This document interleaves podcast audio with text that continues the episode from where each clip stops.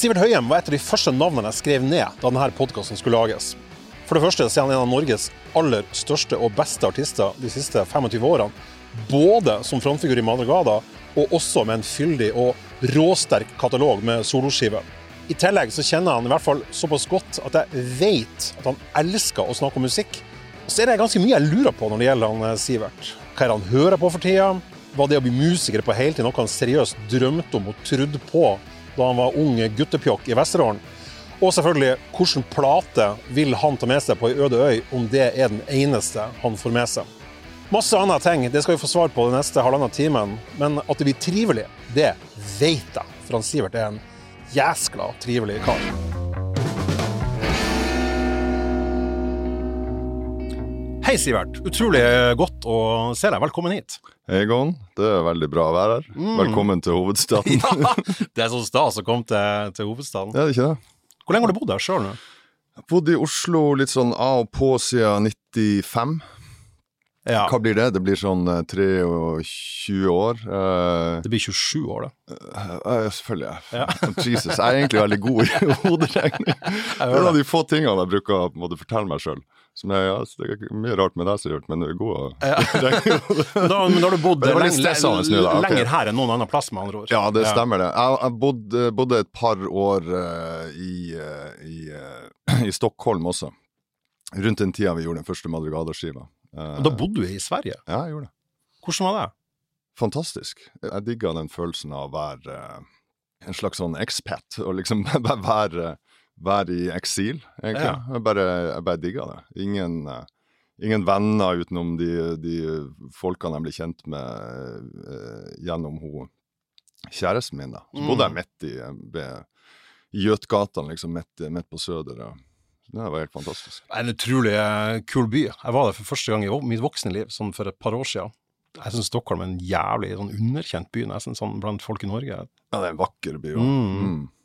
Vi skal jo ta en lang runde her med musikkting. Dette er jo en musikkpodkast. Feedback er jo da en podkast der vi prøver å gå litt sånn i dybden på musikknerven til de vi, vi snakker med. og de jeg inviterer inn, er jo folk som jeg vet har et forhold til musikk, og det trenger ikke nødvendigvis å være musikere. Men nå er du i aller høyeste grad en jeg både vet er kjempeinteressert, og som fortsatt driver aktivt på, på med, med musikk. Så i løpet av praten så vil du komme inn på masse forskjellige navn og nerderier og sånn, og det vil jo da ligge ei spilleliste ute som jeg legger ut eh, på, på hjemmesiden vår, der, der jeg prøver å hive med alt vi snakker og kommer innom, så kan folk da høre på det etterpå. Det, ja.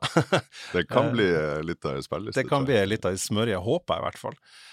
For å begynne med det helt sånn åpenbare, det som på en måte var utgangspunktet for den her eh, spalta, som vi sier til sto på trykk, det er jo det, det litt sånn klassiske spørsmålet hva hvis du ble plassert på ei øde øy og du bare fikk høre på ei plate? Du tok ei Stones-plate når jeg spurte deg eh, nå nylig. Hva, fortell hvilken plate du ville ha med deg. Det er. Sticky Fingers med Stones. Jeg er veldig sånn uh, Jeg har aldri hatt et sånn der uh, veldig sånn fanboy-forhold til musikk. Eller det er ikke helt sant, men det er litt sant.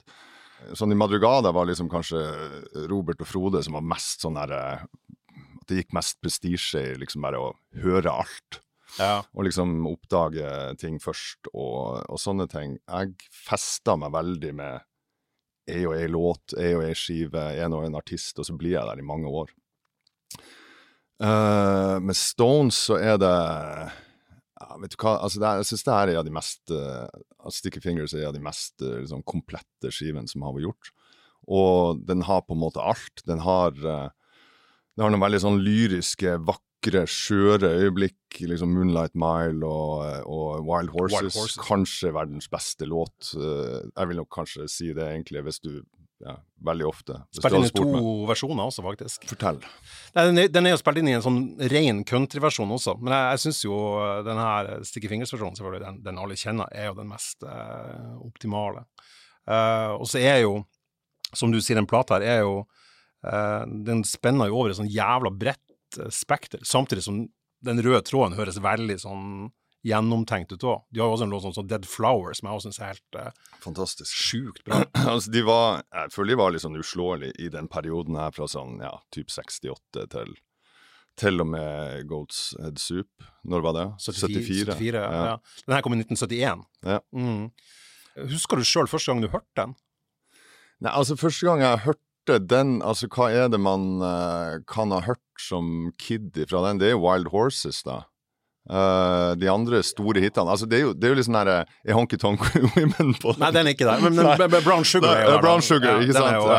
eh, den jeg bruker å blande eh, sammen de. ja, ja. Men begge de er egentlig låter som jeg ville egentlig ha liksom eh, Som jeg, man sk- skipper, da, føler jeg. Ja. Altså, kanskje Brown Sugar er litt rå, da, men, Ja, den er rå, altså. men det er mer sånn ut av de rocketingene, så litt sånn bitch og sway, sway, da, særlig. som er- Bitch! ja. Den syns jeg er så jævlig bra. Ja, er ikke det Eh, rått? Den er helt fantastisk. Men, men, men- men vet du hvor gammel du sjøl var da du oppdaga den? Altså Stones for meg var nok uh, mer sånn ja, slutten av 90, begynnelsen av 2000-tallet. Egentlig at jeg begynte å høre sånn på det. Ja, Med, med, med liksom uh, Seint i dine 20 år. Ja, Ja, jeg vil tro mm. det. Og det faller jo sammen med liksom bandet og eh, ja, egentlig liksom den der, grit-tida, liksom. Ja.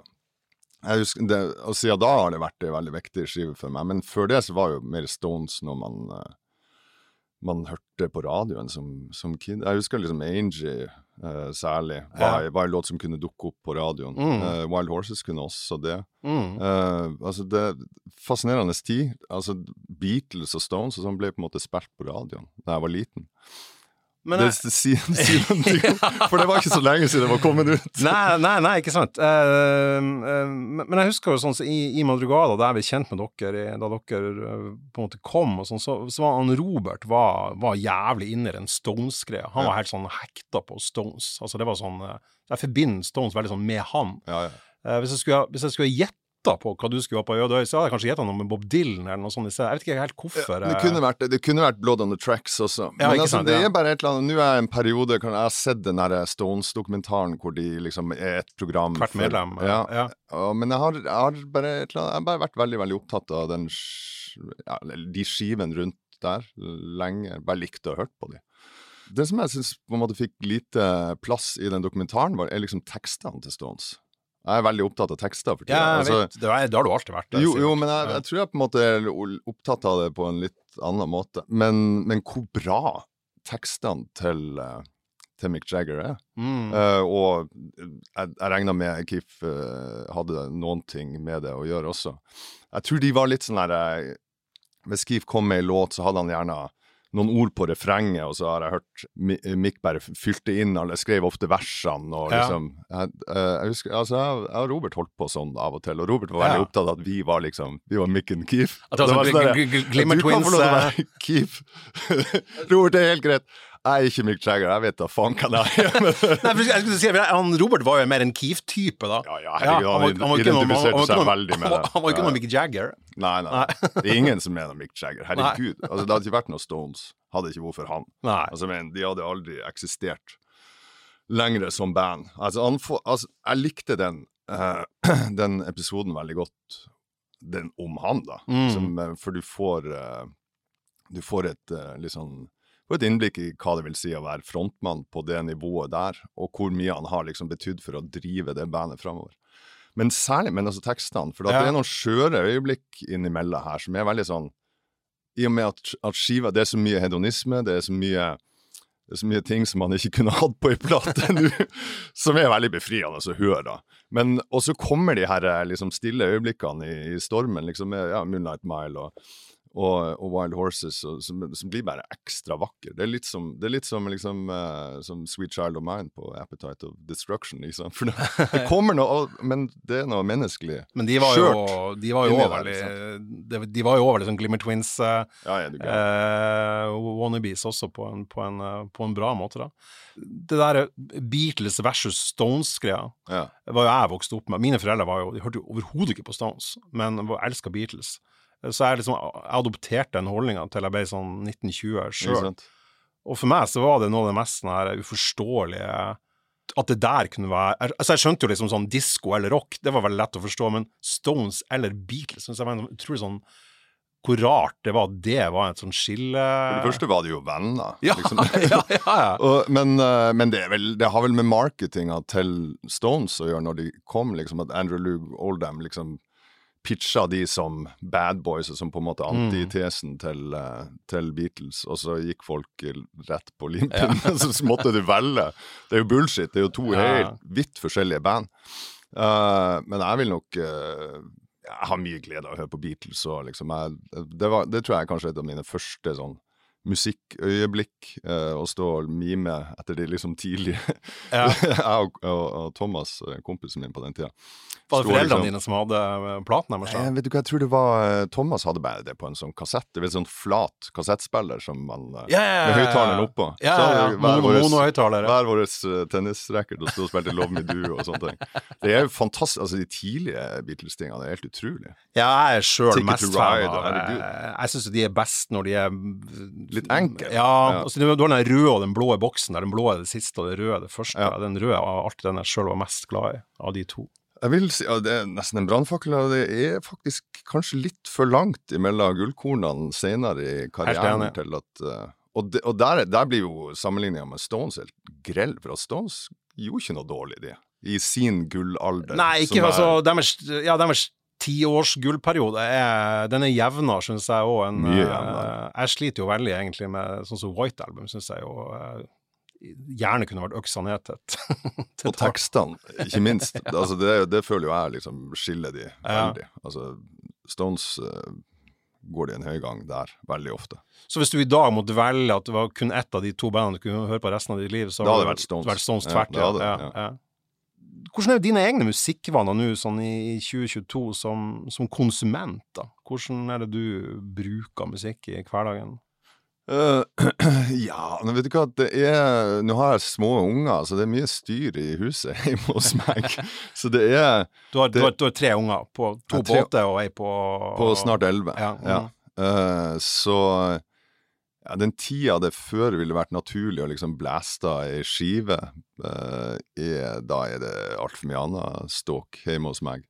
Så jeg vet ikke, altså det er, er nok, Jeg hører nok eh, litt mindre på andre folk sin musikk enn jeg brukte å gjøre. Jeg bruker kanskje litt for mye tid på å høre på det jeg sjøl holder på med til enhver tid. Ja, altså, de- de- Aldri de- de gamle Nei, for det det, det var det. Ok, da kom du meg for å kjøpe. for Nei, jeg er veldig dypt inne i det jeg holder på med til hver tid, så nå har det, Det nå det en lang, lang periode Nei, du jeg vil, Når ting er gitt ut, vil jeg aldri gjøre det igjen. Sier du det? Nei, vet du hva, det er, jeg har ingen glede av Men du var i ferd med å si noe. Du, du, du driver og hører på noe du lager nå. Hva Ja. er det du lager nå, Altså, det var i mange år her, mens vi holdt på med den siste madrigadeskiva, så Ja. var det veldig mye det, og man sender mikser fram og tilbake, og kona mi mobber meg veldig mye for at jeg sitter og hører for mye på mine egne ting. At du er narsissist? Det er ikke det det er snakk om, altså. Er det det, er det, det å mobbe deg for? Ja, jeg tror det. På, på, på seg sjøl kjenner man andre. Eller, nei, på, ja, hvordan er det der? Som om å bare avsløre seg sjøl? ja, Ja. si det. ja, men uh, nei, vi kan snakke om det. Eh, nei. Uh, og så har jeg holder jeg på med en ny soloskive, så da er det veldig mye det. Det blir veldig mye å nerde og liksom høre at en vokal er er riktig at det er sånn som jeg har sett det for meg. Og, uh, det er ikke så veldig viktig alltid at det er sånn som jeg har eh, sett det for meg, men at det bare føles uh, komplett og riktig. Og Det høres ut som du har da spilt inn ei, ei, ei, i, ei full skive. Ja, men uh, må vi snakke om om noen år. Det- Ja, nei, men, ja, men det kan vi snakke om, om noen år også. Men, men det, jeg syns jo det er interessant, for det her skjer jo da midt i midt i et, eh, et comeback med Madrugada. Dere er jo ikke ferdig å turnere ennå på den, eh, på den Nei, nye men skiva. vi har hatt eh, Du må huske på at vi har den plata som vi ga ut i år, den, Mm. eh, den har vært eh, Altså låtskrivinga til den har jo vært over for lenge siden, ikke sant. Så og Ja. dette ruller jo videre. mm. Så, men eh, Nei, altså vi får se hvordan, eh, hvordan eh, fortsettelsen blir. Det er veldig kult på veien med Madrugada nå, altså. Det virker veldig Så, sånn harmonisk og fint. Og, ja. Men det har aldri vært tanken å legge helt fra meg det, de solotingene uansett. Så. Nei, for at du, jeg husker da, da du går til The Lioness i hva det er, 2016. Den heter bare Lioness. Lioness! Ja, fordi at The, The eh, Lioness, det er jo for faen Det er jo, eh, det er jo Haya. Hire. Jeg vet ikke hva. Jeg var på Der kommer en liten, Herregud, kommer er en liten digresjon. Jeg var med på den hyllesten til Jason Molina. Ja, han som var frontfigur i Songs ja, of Haya. ja, eh, f med det bandet, det Magnolia Electric Company-bandet. De gjorde en turné Stemmer det? hvor de gjorde eh, Etter han var død, ja. Etter han var død, hvor de gjorde eh, sangene hans med gjestevokalister. De hadde med han derre Tim Showalter fra Strand of Oaks, som jeg Ja. ble godt kjent med da. Han Ja. var deres liksom faste gjestevokalist og gjorde hele turneen med dem. Og det var en helt fantastisk kveld. Uh, men jeg husker Hvilke eh, låter sang du? Jeg sang, jeg sang eh, Ja, hva, hva sang jeg? Jeg sang Just Be Simple. Mm. Ifra, ifra Jeg sang to ifra den, den første Magnolia Electric Company-skiva, som for øvrig Jeg kunne tatt den med meg på Øyodøya. Den er helt Ja, den er helt utrolig insane bra. For en helt gudbenåda Mm. låtskriver. Og Og, så gjorde jeg en, som jeg ikke er noe glad i, men det var fordi at den var ledig. Den der, The Old Black Hen. Den der som står litt ut som en litt sånn rar eh, countryvokal. Den tror jeg faen ikke jeg husker engang. Old Black Hen is at it again. Oh, ja, Singing the bad luck lullaby. Åh, Nå syns jeg, liksom, jeg podkast var et mye bedre medium enn avis. Ikke sant? Synger. ja, nei, men den, eh, den liker jeg ikke spesielt godt, men den funka jo veldig bra Ja. med de. Den satt ganske bra i nebbet mitt. Så. Men i hvert fall, jeg husker for at de ble Å, fy faen, det er så jævlig bra, og så skulle de på og gjøre Gjøre masse Altså lurte på om jeg kunne, kunne bare gjøre en masse andre låter. Så ja, kan du, kan du Lioness? Det var sånn her Hæ? Å, det var jævlig flaut, for at jeg hadde jeg, jeg, han, Det var andre folk jeg hørte på enn Jason Molina på den tida Ja, hvor man var veldig opptatt av dem. Det var Ja, ja, ja. liksom Smog og Will Oldham for Ja. meg, da. ja. Han satte jeg meg aldri så veldig inn i, men herregud, på The Lioness-skiva der er det jo helt sykt fine Jeg syns det er den beste beste Ja, ja, Songs-plata. ja. Den er helt latterlig. Eh, Coveret får jeg helt eh, frysninger av. Coxcroom Red. Ja, Coxcomb Red er helt. Hinsides bra sang.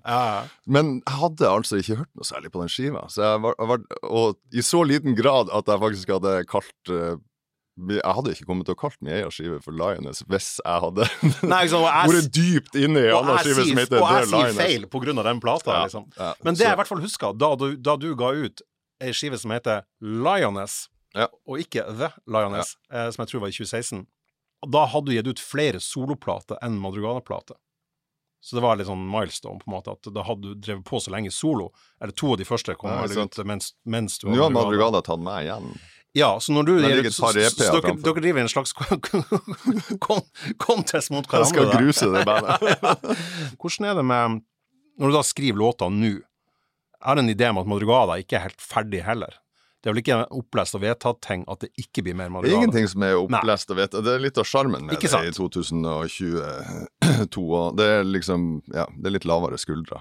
Ja, Så- og da, og da tenker jeg, når du da, når du da sitter og For det høres ut som du jobber kontinuerlig med musikk. Hele tida. Ja, ikke sant. Så når du da, um, hvis du da får ideer, du får skisse, tekst, melodi og sånn, tenker du da, når det begynner å bli et, em, et ordentlig sånn byggverk eh, av en låt, tenker du da at det her, det er faen meg en Madrugada-låt, eller det her, det er faen meg en eh, Sivert Høyem sololåt? Altså, det er jo en stund siden jeg har hatt den uh, problemstillinga egentlig i, i hodet. Fordi at uh, Altså, det var mer relevant eh, før i tida, når jeg gjorde Altså, når, når bandet Var der.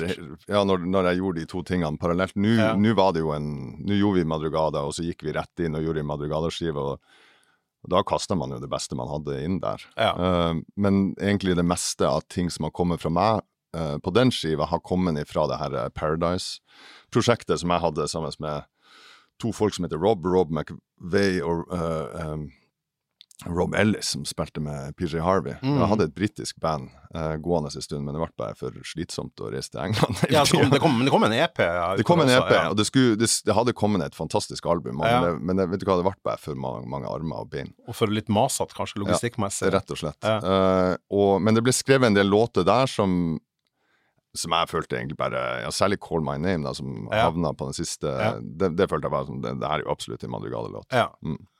Hvordan, ville den hørtes ut med Paradise? Ville det vært, den vært mer støyete? Ganske, ganske like, egentlig. Ja, okay, det ja. finnes ei innspilling som er veldig bra, gjort med John Angello.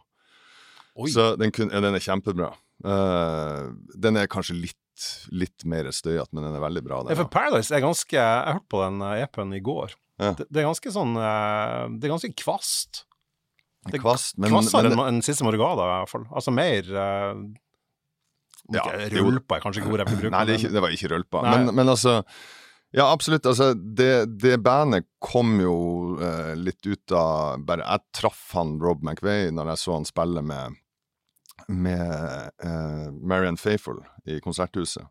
Og så var det en link der med at jeg kjente Head som, eh, som gjorde andre Nei, altså gjorde Grit med Madrugada. Ja. Gjort masse ting med PJ Harvey, og gjør liksom livelyd nå for eh, Og ja, er bare helt sykt bra på det. Han, eh, han gjør liksom Kendrick Lamar og han, han, høyt nivå. Han gjør Ja. PJ Harvey og sånne Ja. ting også. Så fantastisk eh, artig fyr. Uh, så, så de, de skulle ta noen øl etterpå. Uh, og da traff jeg han. Jeg la merke til han på konserten. Han var sånn sykt mye overskudd som gitarist. Mm. Og kul å se på. Bare helt sånn så det, det ble jo sånn at vi begynte å snakke om musikk. Og jeg tror han og Head hadde snakka mye om at uh, Rob burde ha seg et rockeband nå. Ja. Og så var det veldig sånn, ja det, Så det var tydelig at Hedda hadde pitcha meg som en fyr. det, var, det var, var ikke helt tilfeldig at jeg var der. Nei. Men vi ble jævlig gode venner. Det var veldig sånn, og det er vi fremdeles. Og det er ikke noe ondt blod der. Han kom over, han spiller på den siste Madrugada-skiva. Han kom over til LA Ja. Og spiller på den. Spiller på Call My Name og, og på eh, Ecstasy også, som, eh, som også er en låt vi har skrevet i lag. Det var den første låta vi skrev i lag, og det var bare helt sånn her alle hårene ja, den er jo veldig sånn Cohen-magisk i uh, Ja, eller et eller annet sånn Ja. Jeg vet, der er et eller annet Det er noe Bridge over Troubled Water i det. Det er jo kanskje. Ja, Ja, ja. altså vi var Jeg vet ikke, han, han har vært instrumentell for meg eh, med å oppdage en del kvaliteter med det jeg har gjort, Mm. og så bare bli minnet på hva, hva som er bra med musikk. Eh, ikke bare sitte og liksom eh, vri hjernen sin for å lage et eller annet Finne opp, eh, finne opp krutt, eller lage, lage en ny sti for seg sjøl hele tida, som, som jeg ofte har eh, kanskje eh, endt opp med å, med å gjøre. Frustrerer meg veldig mye, og- men, men det har bare vært et Det var veldig sånn eh, det, var, det var et viktig møte for meg, rett og slett. Ja, for jeg, jeg har jo alltid opplevd deg som en ganske sånn, eh, sånn søkende eh, fyr. da, at Når du har, når du har, når du har em, eh, Altså, de solplatene dine er jo, er jo eh, All over the place. de er jo veldig, de er jo veldig deg, alle sammen. da. Ja. Eh, det er ingen som bryter med hvordan man skulle tro du høres ut, men, men de har veldig sånn særegen identitet, hver plate, syns jeg. Ja. Jeg hørte gjennom hele de, den Oi. remsa der. Ja, hvordan gikk det? Nei, det gikk jævla bra. Jeg var ikke overraska, for jeg, jeg, jeg hørte veldig mye på de da de kom, og har Ja. egentlig fortsatt å høre mye på dem. Uh, men de er veldig Hvis du hører særlig på Altså på Ladies and Gentlemen, den første, da. Ja. Eh, som jo var et sånt sideprosjekt. Eh, overskudds... Den bærer jo på en måte litt preg av det, for det var på en måte en motreaksjon til det Madrugada var. Ja, for det var, det, da var de på Frode og Robert var på var garasje. så jævlig på rockeren, ikke ja, sant? Og, og på rock, ja. Ja, øh, mens du hørte på Smog og Ja, ja, jeg var litt sånn der jeg, jeg må innrømme, i den tida der hadde jeg litt sånn vanskelig for å identifisere meg med, med det å liksom skulle være sånn rockefrontmann. Jeg, jeg følte ikke jeg gjorde det på en veldig overbevisende måte. Og at det, så, så jeg tror det ble en litt sånn her at den skiva skulle være alt Madrugada ikke var. Ja. Ja, og jeg hørte mye mer på folk og sånt. Det var på Det er jo en ren folkplate. Det kunne ha vært det Bill Callahan-skiva. Ja, ja, ja. Det, altså, det er veldig mye smog. Jeg var utrolig opptatt av smog. Det var en skikkelig sånn herre Det infiserte alt jeg gjorde Ja. i mange år. Det, var, det ble en skikkelig sånn uh, eh, En besettelse, egentlig. Så når det da kommer til det her med Paradise, som da var et slags nytt prosjekt, så tenkte jeg det må sikkert ha vært jævlig kult for deg da å komme i kontakt med liksom en helt sånn annen verden, med noen utlendinger som du bare kunne dra til å gjøre, som var egentlig ganske sånn open-minded til hva du skulle være og gjøre.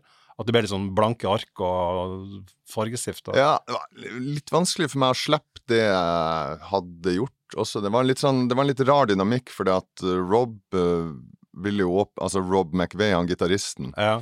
det var vårt eh, prosjekt. Vi skulle skrive låten og sånne ting. Og eh, han var mye mer ambisiøs med det prosjektet enn det som en karriere Ja. enn det jeg var. Det var nok en av grunnene til at det ikke ble noe av. For det, jeg, jeg kunne ikke ha to, eh, to hovedprosjekter gående, liksom, med små unger her. ja. Det gikk ikke. Så det var liksom eh, så, så det var nok egentlig kanskje en av hovedgrunnene til at det ikke, ikke funka. Rett og slett hva det skulle være. For jeg trengte et, eh, et eh, sideprosjekt, og liksom egentlig bare lage kanskje litt mer radikal musikk enn det, Ja.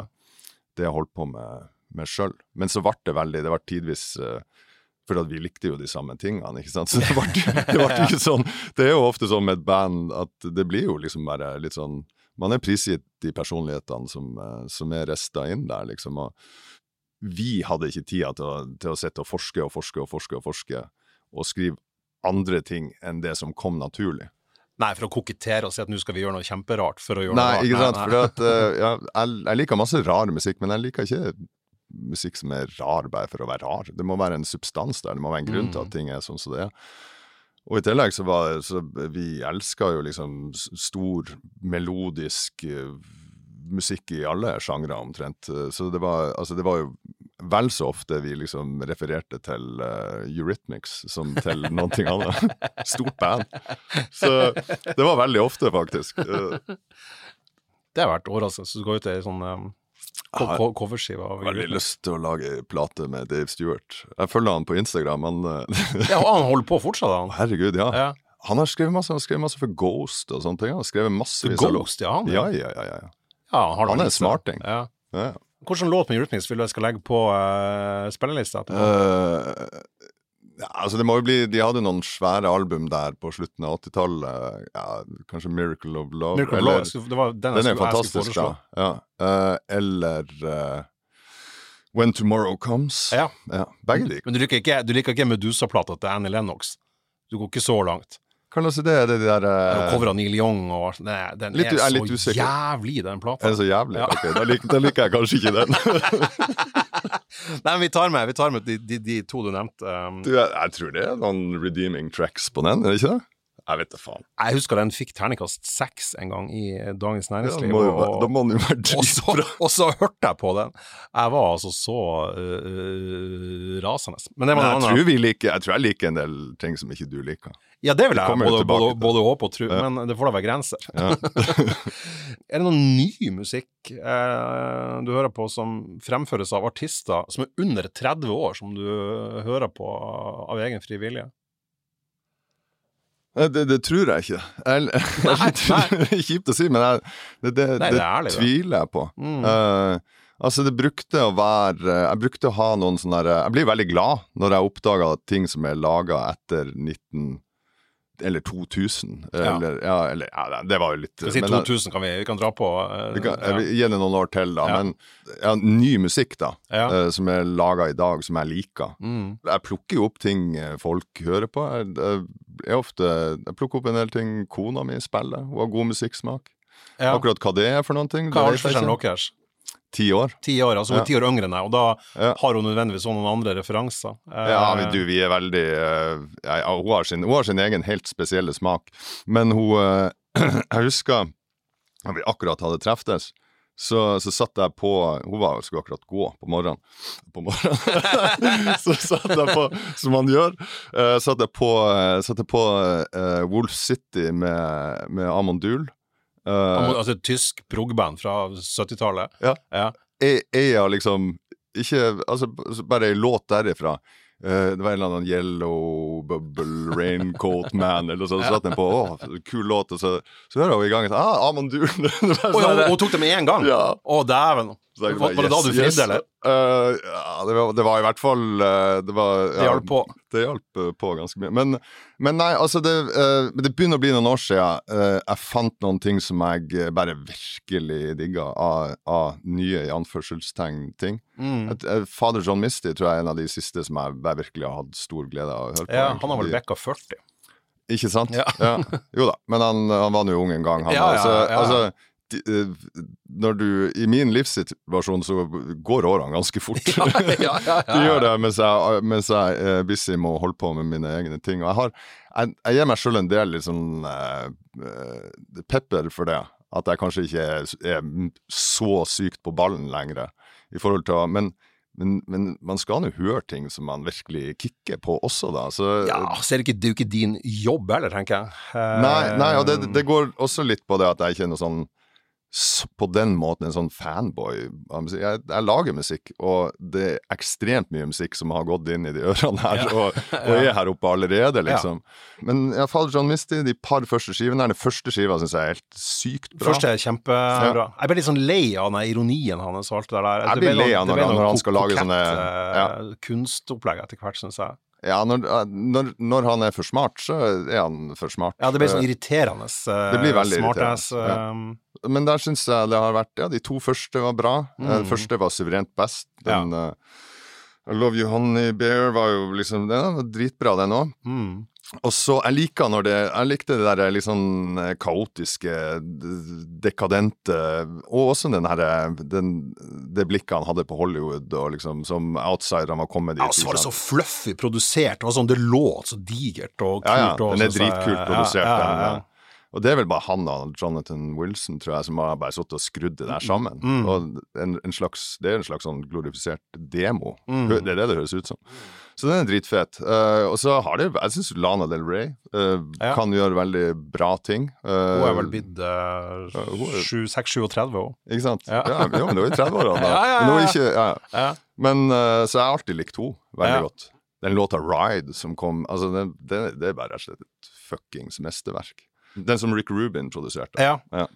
Hun var det min stedatter, som nå er 19 år, som fikk meg til å høre på.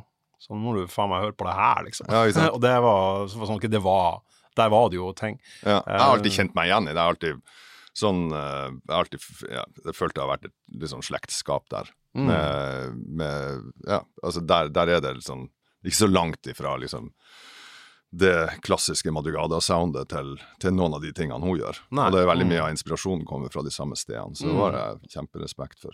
Men, men sånn som du som har vært eh, Du har vært eh, musikkinteressert be- bestandig.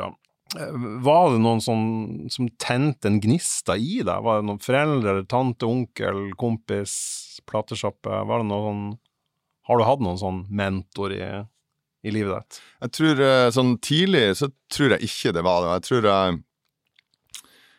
Jeg vet ikke, jeg tror jeg vil egentlig si at uh, musikkinteressen min, eller den der følelsen min for musikk, hva det er, hva jeg søker i musikk, stammer veldig fra en del store album som kom på midten av 80-tallet, liksom, da jeg var ganske liten. Åtte-ni år gammel. Ja. Eh, da kom liksom eh, Og det vil jeg fremdeles si, veldig bra plate, 'Reckless' med Bryan Adams. Ja, stemmer det. Som- Du, du likte Bryan Adams, ja? Ja, gæren. ja Det er dritbra Nei, ikke gæren, men jeg liker ikke Bryan Adams. Nei, nei, ok.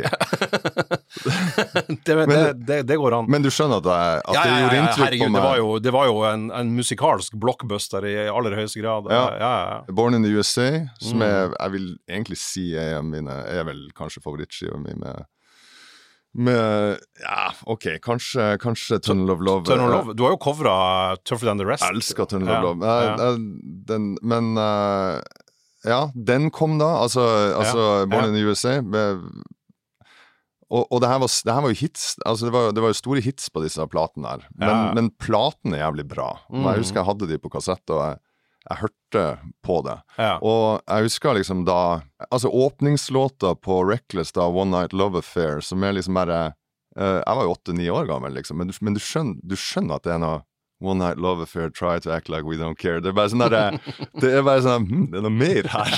Ikke sant? ja. Det er voksen materie, tross alt. Ja. Og det er en sånn melankoli, den, og så senere kommer Run to You, som er også ja, med sånn der, eh, tri, et triangeldrama, liksom. Du får eh, Du bare skjønner at det er noe mer her med musikk enn bare liksom eh, enn bare melodi, og at det var en fin låt. Bare, du Jeg, jeg med Cato om det, og det er bare sånn her Cato Salsa, da. Ja. At det er bare sånn herre ja, du, du skjønte ikke teksten ordentlig, men du, men du skjønte teksten. Du skjønte hva det her gikk ut på. Ja. Det var noe, her var det noe sånn nudge, nudge. Ja. og det var jævlig rått, da. ikke sant? Så, eh, og samtidig kom også Brothers in Arms, ja. eh, som et bra album. eh, og Hvordan syns du den høres ut i dag? Jeg, Nei, litt rar. Jeg, jeg diskuterte den plata med kona mi i helga, sist Ja. Så jeg, nå er jeg spent på hvem sin side du står på i den diskusjonen. Jeg, jeg, for jeg er ikke noe anti-Darry Strait som veldig mange tror at jeg er. Ja, nei, jeg, kan høre på det, jeg har ikke noe problem med å Men setter du på Hvis du skal, hvis du skal se på Darry Strait, setter du på Brothers in Arms, eller setter du på noe annet? Jeg- 50% av tilfellene vil jeg nok sette på Brothers Ja. in Arms. Ja. Da er, det, da er du på partiet med Your la latest trick. Fantastisk. Du får begge. Du får Hvem er det? Du, eh, Michael Brecker, og du får begge i Brecker Bros. Først, først trompeten, og så saksofonen. Det er helt rått. Jeg sliter så med den låten, 'Brothers in Arms'. Jeg syns den er så den, den, den, høres ut som noe sånn her eh, Den er så pompøs at Nei, Herregud. Altså, men jeg, jeg, jeg syns det, det, er artig med musikk som ikke er akkurat sånn som eh, det skal være. At det er liksom bare sånn Her, her, de, her gikk de for langt, gutt. det er bare sånn der, tenk på den tida her som jeg snakker om nå, så var det sånn du var prisgitt det du hadde å høre på. Ja da. hørte du på alt. Ga du alt en sjanse. Det var liksom Mitt forhold til Kate Bush var det som jeg kunne fikk med meg fra fra Ti skuddet, som var liksom eh, hva, hva var det? Det var cloudbusting og og Running Up That Hill, som nå er blitt fullstendig ødelagt. Eh, men det men, en fantastisk låt, da. Men, men, det jeg hadde å høre på, var, var den suverent dårligste skiva hennes, Lionheart. Andre skiva hennes. Ja, ja. Men det var det, så hørte jeg, hørte jeg på den. Ja. Og du får jo noe ut av det til slutt.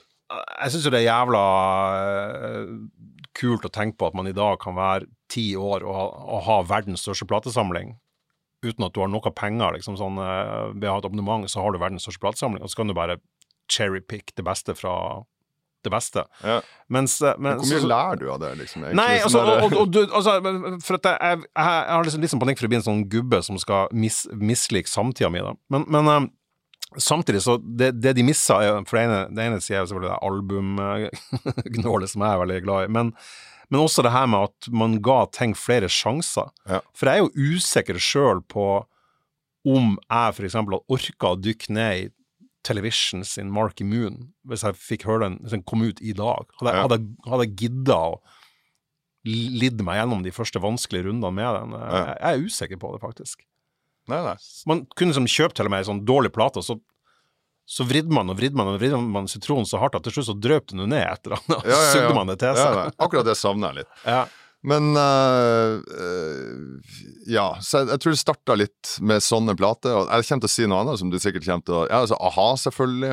Vi var utrolig Jeg husker jo hvor stolt man ble over at det, det var liksom Det kom på Dagsrevyen at de var nummer én i USA. Ja, de hater og den videoen var helt fantastisk. Og hata du de? Aha, ja. På, de kom i, i 5-86. Det var jo fin. Da hørte jo jeg på Men jeg, jeg er født i 71, og så hadde Ja, jeg en bror, bror som var fire år eldre enn meg, og a-ha Og han hadde jo på en måte satt standarden Ja, for han hadde dytta på meg Cramps og ja. R.E.M. skjønner- og de her tingene. Så det var liksom A-ha var, det var på andre sida av brua, på en måte. Ja. Eh, så har jeg i ettertid skjønt at a-ha var jo et, et, et eh, potent band og alt det her, så det, der var jeg nok for kjapp i konklusjon.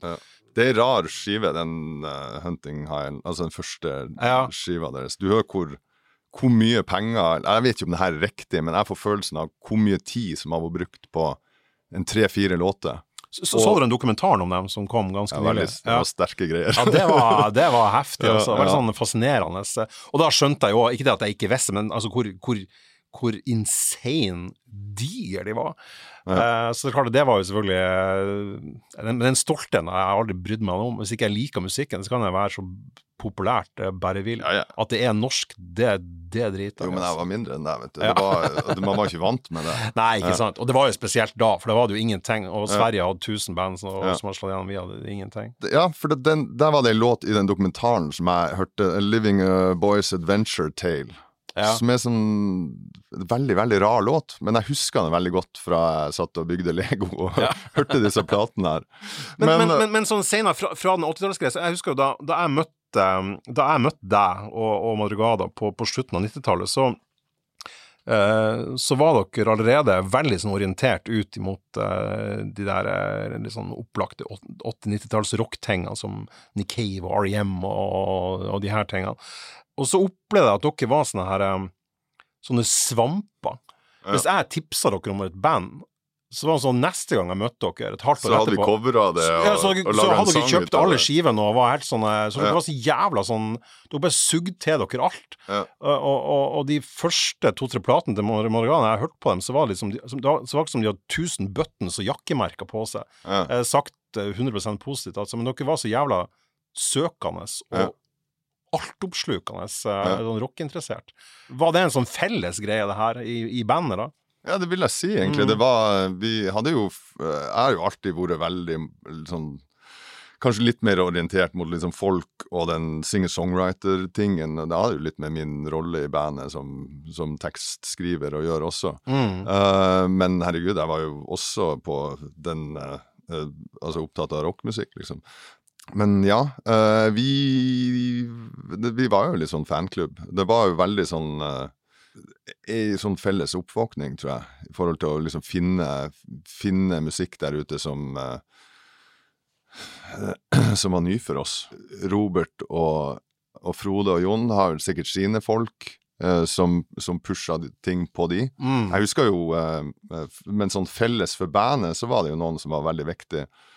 Annet Tom Sjeklesæter, da, når vi traff Tom, han. Tom var jo, eh, for de som ikke husker han fra way back, så var han jo sjefredaktør i Beat, og en, alltid vært en veldig sånn sterk stemme i, i, i- i den norske offentligheten om musikk, og han var Ja. deres første manager, da. Ja. Ja.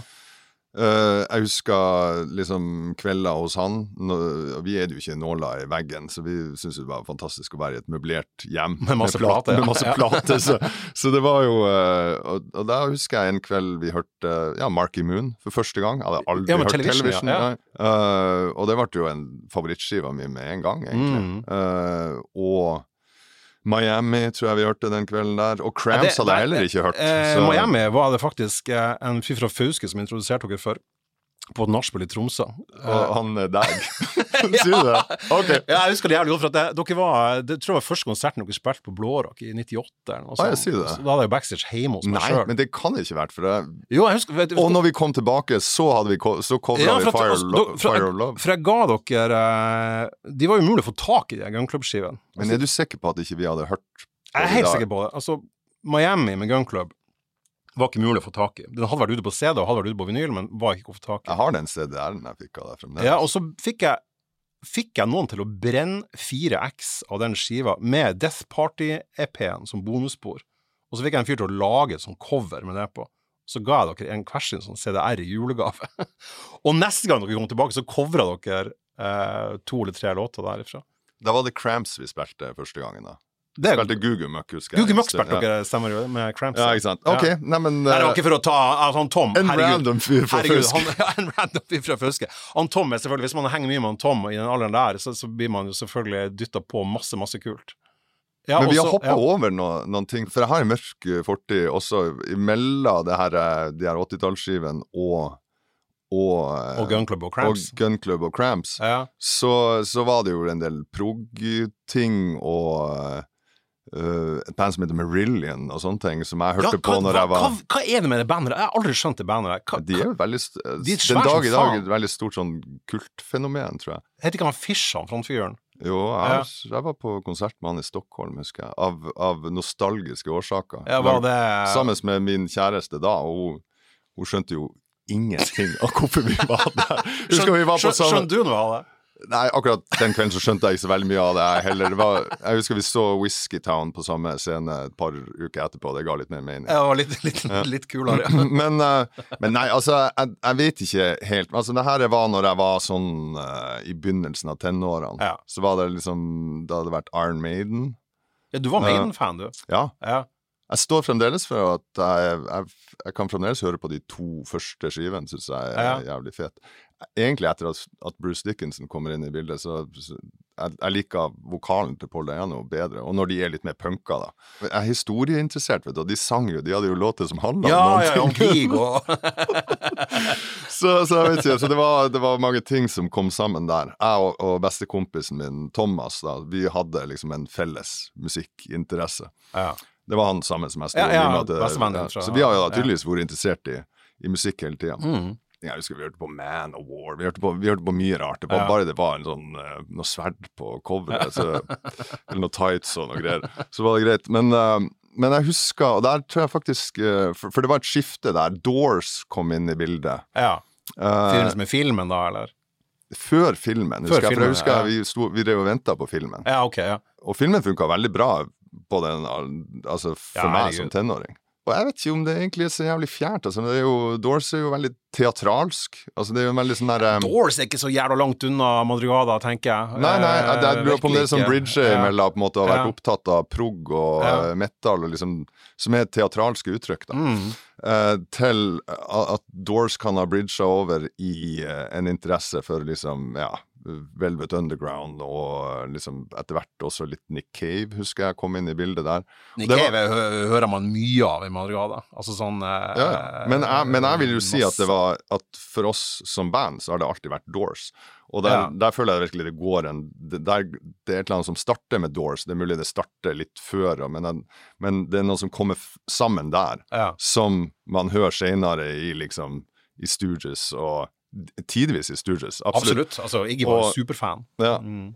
Og ja, Patti Smith, og, Ja. og, og senere og Nick, Nick Cave, da, som er det her performative, Mhm. ekspressive, veldig dynamiske, Og en spinnvill frontfigur. Han Ja. var jo tidlig der òg. teatralske tingen Mm. der, som, som du kanskje ikke hadde hatt noen steder hvis det ikke hadde vært for Doors, egentlig. Så man, de får mye, Doors får mye pepper fra folk som helst vil at ting skal være annerledes. Nei, jeg, jeg er veldig glad i, i Doors sjøl. Jeg sliter litt med de her liksom dølle blueslåtene deres, men jeg syns jo de, de første, i hvert fall de første tre, synes jeg er helt fantastiske. Men når de spiller altså, det, var- var jo en tid hvor alle utgivelser måtte ha ei blueslåt eller to. Som, det, var, det var Eric Clapton og alle altså, Men det Ja. måtte alltid spille sånn hvit Hvit blues. Hvit blues. For det er dritfett. ja, Så, det, og det var faktisk eh, Lars Saabye Christensen som jeg tror Han bodde på Sortland i den tida her. Og Ja, han, nettopp, ja. han ga et par plater til, til Thomas til konfirmasjon. Til han bestevennen din. Ja. Ja. Og det tror jeg var Altså den der Songs for Drella, tror jeg, med John eh, Cale. John Cale, Lou Reed. Ja, John Cale Lou Reed, den, ja, den der, ja, Den den, hylleskiva til. Andy Warhol. den er helt nydelig. Fantastisk plate. Helt nydelig. Kult cover på den òg. Ja, ikke sant? Og, den, og der tror jeg Der er det litt sånn heavy metal-aktige soloer. Mm. Som var bare som det er litt sånn tvilsom smak, men, eh, men det bridger liksom tilbake til Maiden på en litt merkelig måte. Men da, da, da dere på en måte var, var, var bidd et band og trygg på smaken og sånn, så da husker jeg da, Når jeg snakka musikk med dere sånn, da var du, du var veldig på Eller alle hadde en sånn felles greie med Grantley Buffalo, da, og så var du veldig på Du var også sånn Du likte Pearl Jam veldig godt. Hæ, da? Nei. Jo, du tok dem i forsvar på For jeg husker vi krangla om, ja, vi, vi gjort, ja. om Pearl Jam. Eh, for det er et band jeg aldri har forstått. Eh, men du var i hvert fall Du hadde i hvert fall vært veldig ja, fan. ja, ja, ja, ja. Det er et opptak av deg òg, der du gjør uh, Ja ja. Alive. Ja. For det, det er også litt sånn Ja. hvis vi spoler litt tilbake til der vi var. Ja. Etter den her litt sånn med Doors og alle de tingene, før jeg var havna i Madrugada, men akkurat da jeg begynte å spille i band Mm. i sånn ja, 15-16-årsalderen, ja. Da var det jo all den her grunchen, Ja. Og særlig Pearl Jam, kanskje.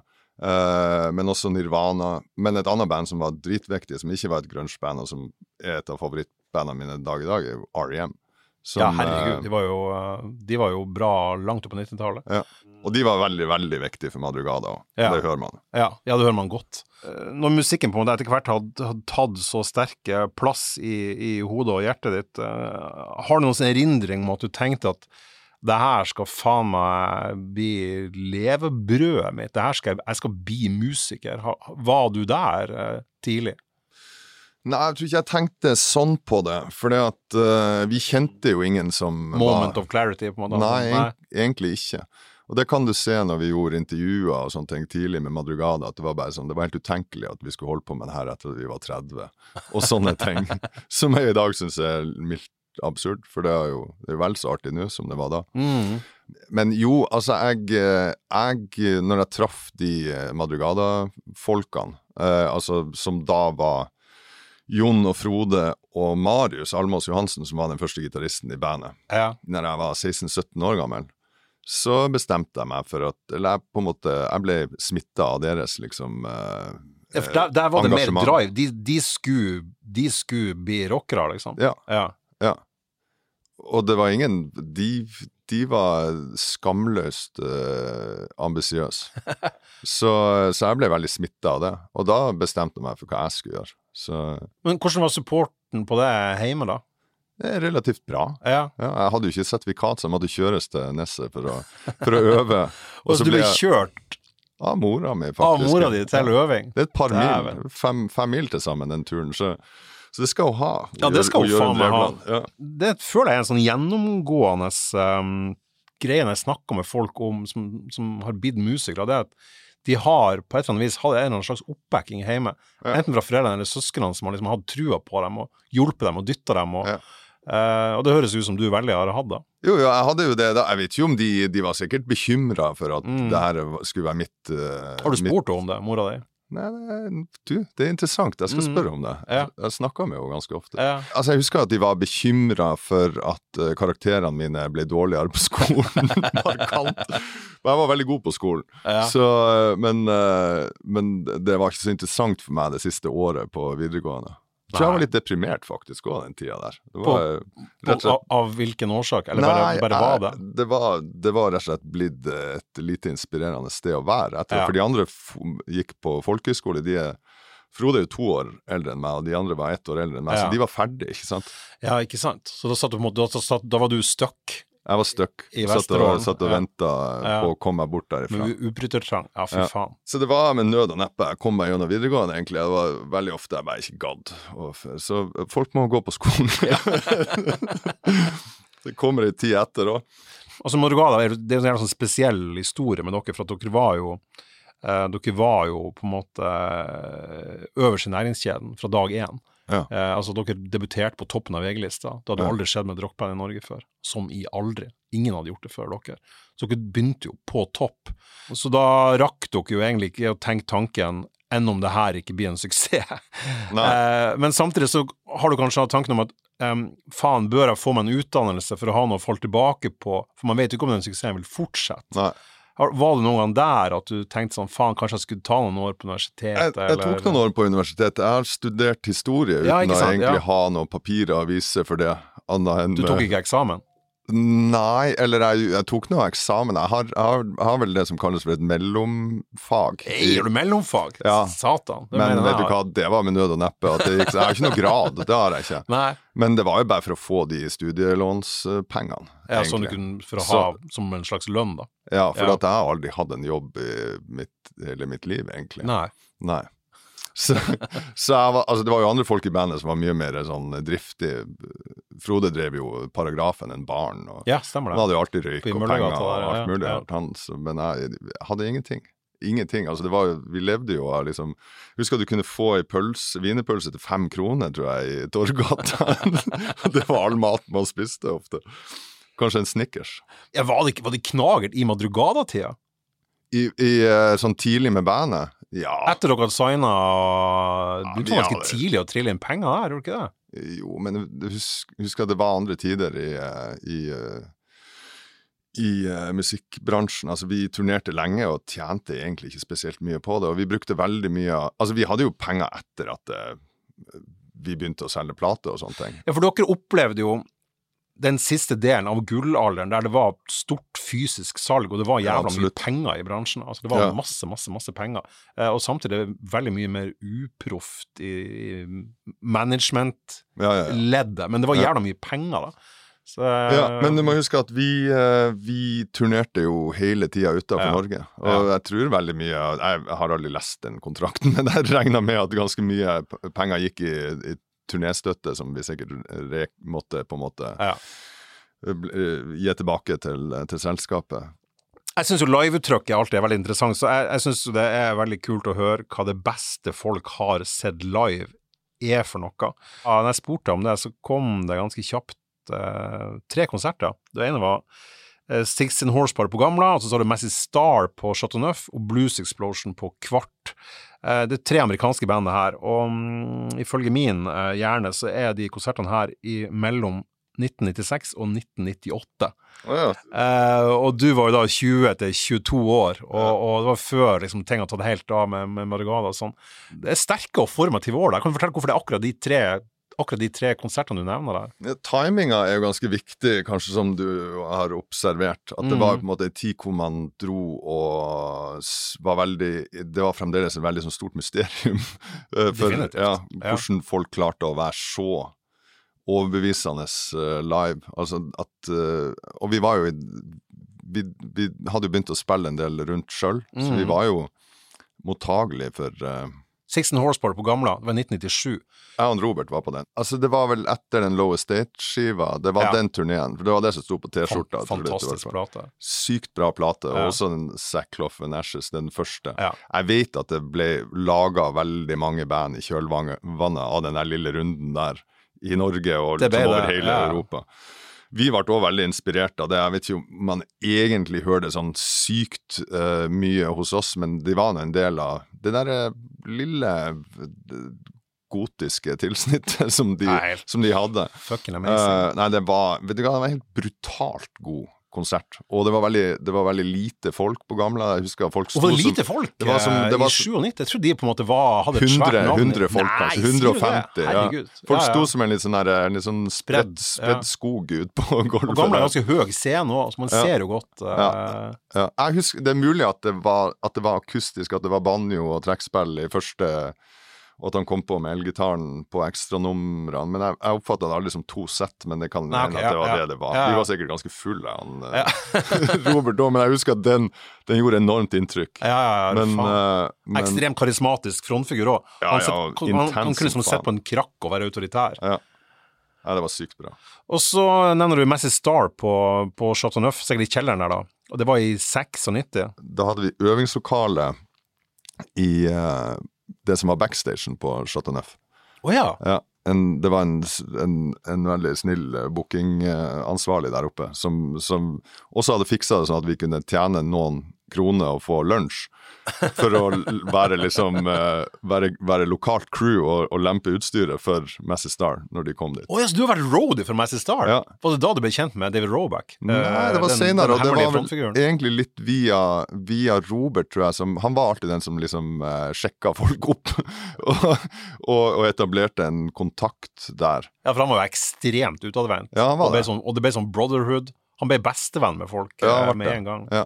Så jeg tror at det Og det var sikkert via noen folk han kjente gjerne Han har, alltid, han, han har flere søskenbarn enn eh, de aller enn en fem andre mennesker. Ja. Sykt masse slektninger, og alle var en ressurs for han. Ja.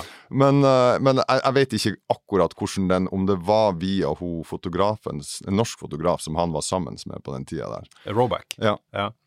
Si, bare si til lytterne her at det er jo det, Massey Star kjenner sikkert de fleste til, og, og frontfiguren hun, eh, Hope Sandoval med den voldsomt sensuelle stemmen er jo den alle tenker på. Men det var David Roback, eh, som vi snakka om her, som, som skrev alle låtene og, og tekstene. Ja. Hun synger jo i en mannsperspektiv, og de, de låtene er veldig sånn forvirrende. Så, og David Roback ble der etter hvert, som også var frontfigur i et band som heter Rain Parade, som, som jo du er veldig, veldig glad i. Eh, ble jo da um, er, er jo en, en, en, en, en eh, kultfigur den dag i dag, og døde jo for noen få år siden, eh, dessverre. Ja, men jeg, den konserten var for, for den var så jævla gjennomført, og de hadde liksom eh, De projiserte bildene til hun fotografen som jeg ikke klarer Norsk Å ja, fotograf. på, på konsertene? ja, sånn, ja, ja. Eh, Sånn, Så sånn kult. industrielle landskap bak der, og, og hun liksom sto der med en eller annen sånn glitt... Hun var jo på en måte altså, uoppnåelig Ja. liksom, sexsymbol. Ja, sant? Det var, helt, det var helt magisk, og det var, det var Det har vært et band som eh, Altså alle liksom, gitaristene som, eh, som påvirka Robert, så var vel Dave Roback kanskje en av de Mm. aller Altså Det hører du så utrolig tydelig på den første skiva vår. Det, og det ble etter hvert liksom akkurat hvordan det skjedde, men det ble oppretta en liksom kontakt med, med Dave som bodde i på, rett oppafor Sofienbergparken. Hadde han liksom et sånn To, et loft. Det Liksom, ja. han hadde, det var vel egentlig to lofter på to bygårder. Så for oss var det jo som å komme til noen slags sånn Shangri-La. Sånn. Ja, og så var han jo han var en sånn, sånn sentral skikkelse i den her Paisley Underground-bølgen, som da er også kjent med Dream Syndicate og Long Riders og. Three O'Clock og Bangles og alle det her. Uh, og så plutselig bodde han på Grünerløkka. Det er jo jævla snålt, altså. Så jeg hadde mye seinere Altså, han, han supporta oss veldig, sånn oppmuntra oss veldig. Ja. Uh, selv om det var åpenbart at vi hadde henta mye inspirasjon fra han, men, men han, hørte, han hørte andre ting i det, som andre kvaliteter i det. uh, og var veldig oppmuntrende. Så, Så kom og så oss flere ganger. Og, og han var liksom viktig for meg seinere, når jeg på en Mm. måte var mer opptatt av folk og sånne ting. uh, og de andre var på rocketog et eller annet sted. Så, så hadde vi en litt Så altså, fant du og Dave Roback hverandre? ja, vi hadde felles interesse for liksom fransk popmusikk og eh, Francois Sardi. Og, også britisk folk, særlig. Fairport. Fairport og- Convention, ja. ja. Nick Drake Sandy, og Sandy Denny, Sandy Denny, og, ja, og Bertie ja. Ernst. Sånne Ja. ting. Ja. Faen så vi nerder. Det er sykt Ja, det mye name-dropping her. Nei, men er ikke det her Det blir en jævlig lang spilleliste, da. Jeg syns det her er veldig artig. Du nevnte også Blues Explosion på Kvart i 1998. Åh, Eh, jeg, jeg, var også der, eh, Ja. og så så jeg dem fire dager før på Roskilde. Eh, det er til dags dato noe av det tøffeste jeg har sett, men den kvartkonserten husker jeg var veldig bra. Men John Spencer ble jo matforgifta på dagen, ja, okay. så han gikk jo på scenen etter å ha hatt sånn rikosjettdiaré bak i scenen i, i, i Bendiksbukta. Ja, det, det var jeg, fantastisk, da. det, nå har jeg sikra meg med, med å hive på en konsert litt senere på Rockefeller, for da, altså, de går litt i, Ja. i hverandre. For meg, Men, men, men hovedpoenget er jo Blues Explosion. Altså, det er en trio fra, fra New York som altså, eh, som altså live Det var altså så brutalt. Og det var basically egentlig én gitarist og trommis, og så var det en frontfyr som hadde en gitarist rundt halsen, som bare for hoppa rundt og Ja. sang. Det var altså så tøft at eh, Og så er- tight, og så den dag i dag, ja. faen meg det råeste som finnes. Ja, virkelig noe av det villeste jeg har sett live. Jeg mener også du hører ganske mye Blues Explosion i uh, Mamina Creeps, bandet til Robert. Ja da. Han måten han synger på på et par låter, er sånn, det er sånn Elvis uh, Ja. Sånn Elvis, sånn som John Spencer synger Elvis, da. Ja. En sånn, sånn annonsering Ja. av spillested. Hva er den verste konsertopplevelsen du har? Og da tenker jeg jo egentlig i utgangspunktet på der du sjøl har vært involvert. Da. Hva, hva er det verste sånn øyeblikket? Ja, altså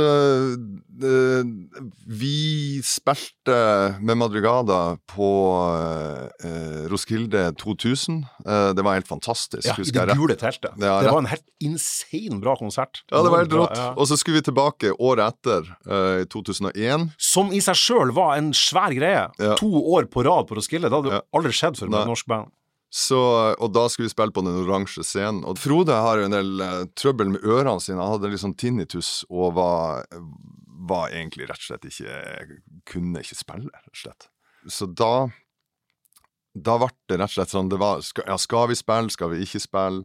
Det var en del forventninger knytta til eh, til andre skiva våre, så det var, det var litt muskler bak bandet. Mm. Og vi hadde en, eh, vi hadde en ordentlig utenlandsk manager på det tidspunktet her, eh, Jerry Harford, som ja, andre Han hadde Therapy og Tindersticks og en del sånne ting Ja. hos oss, da.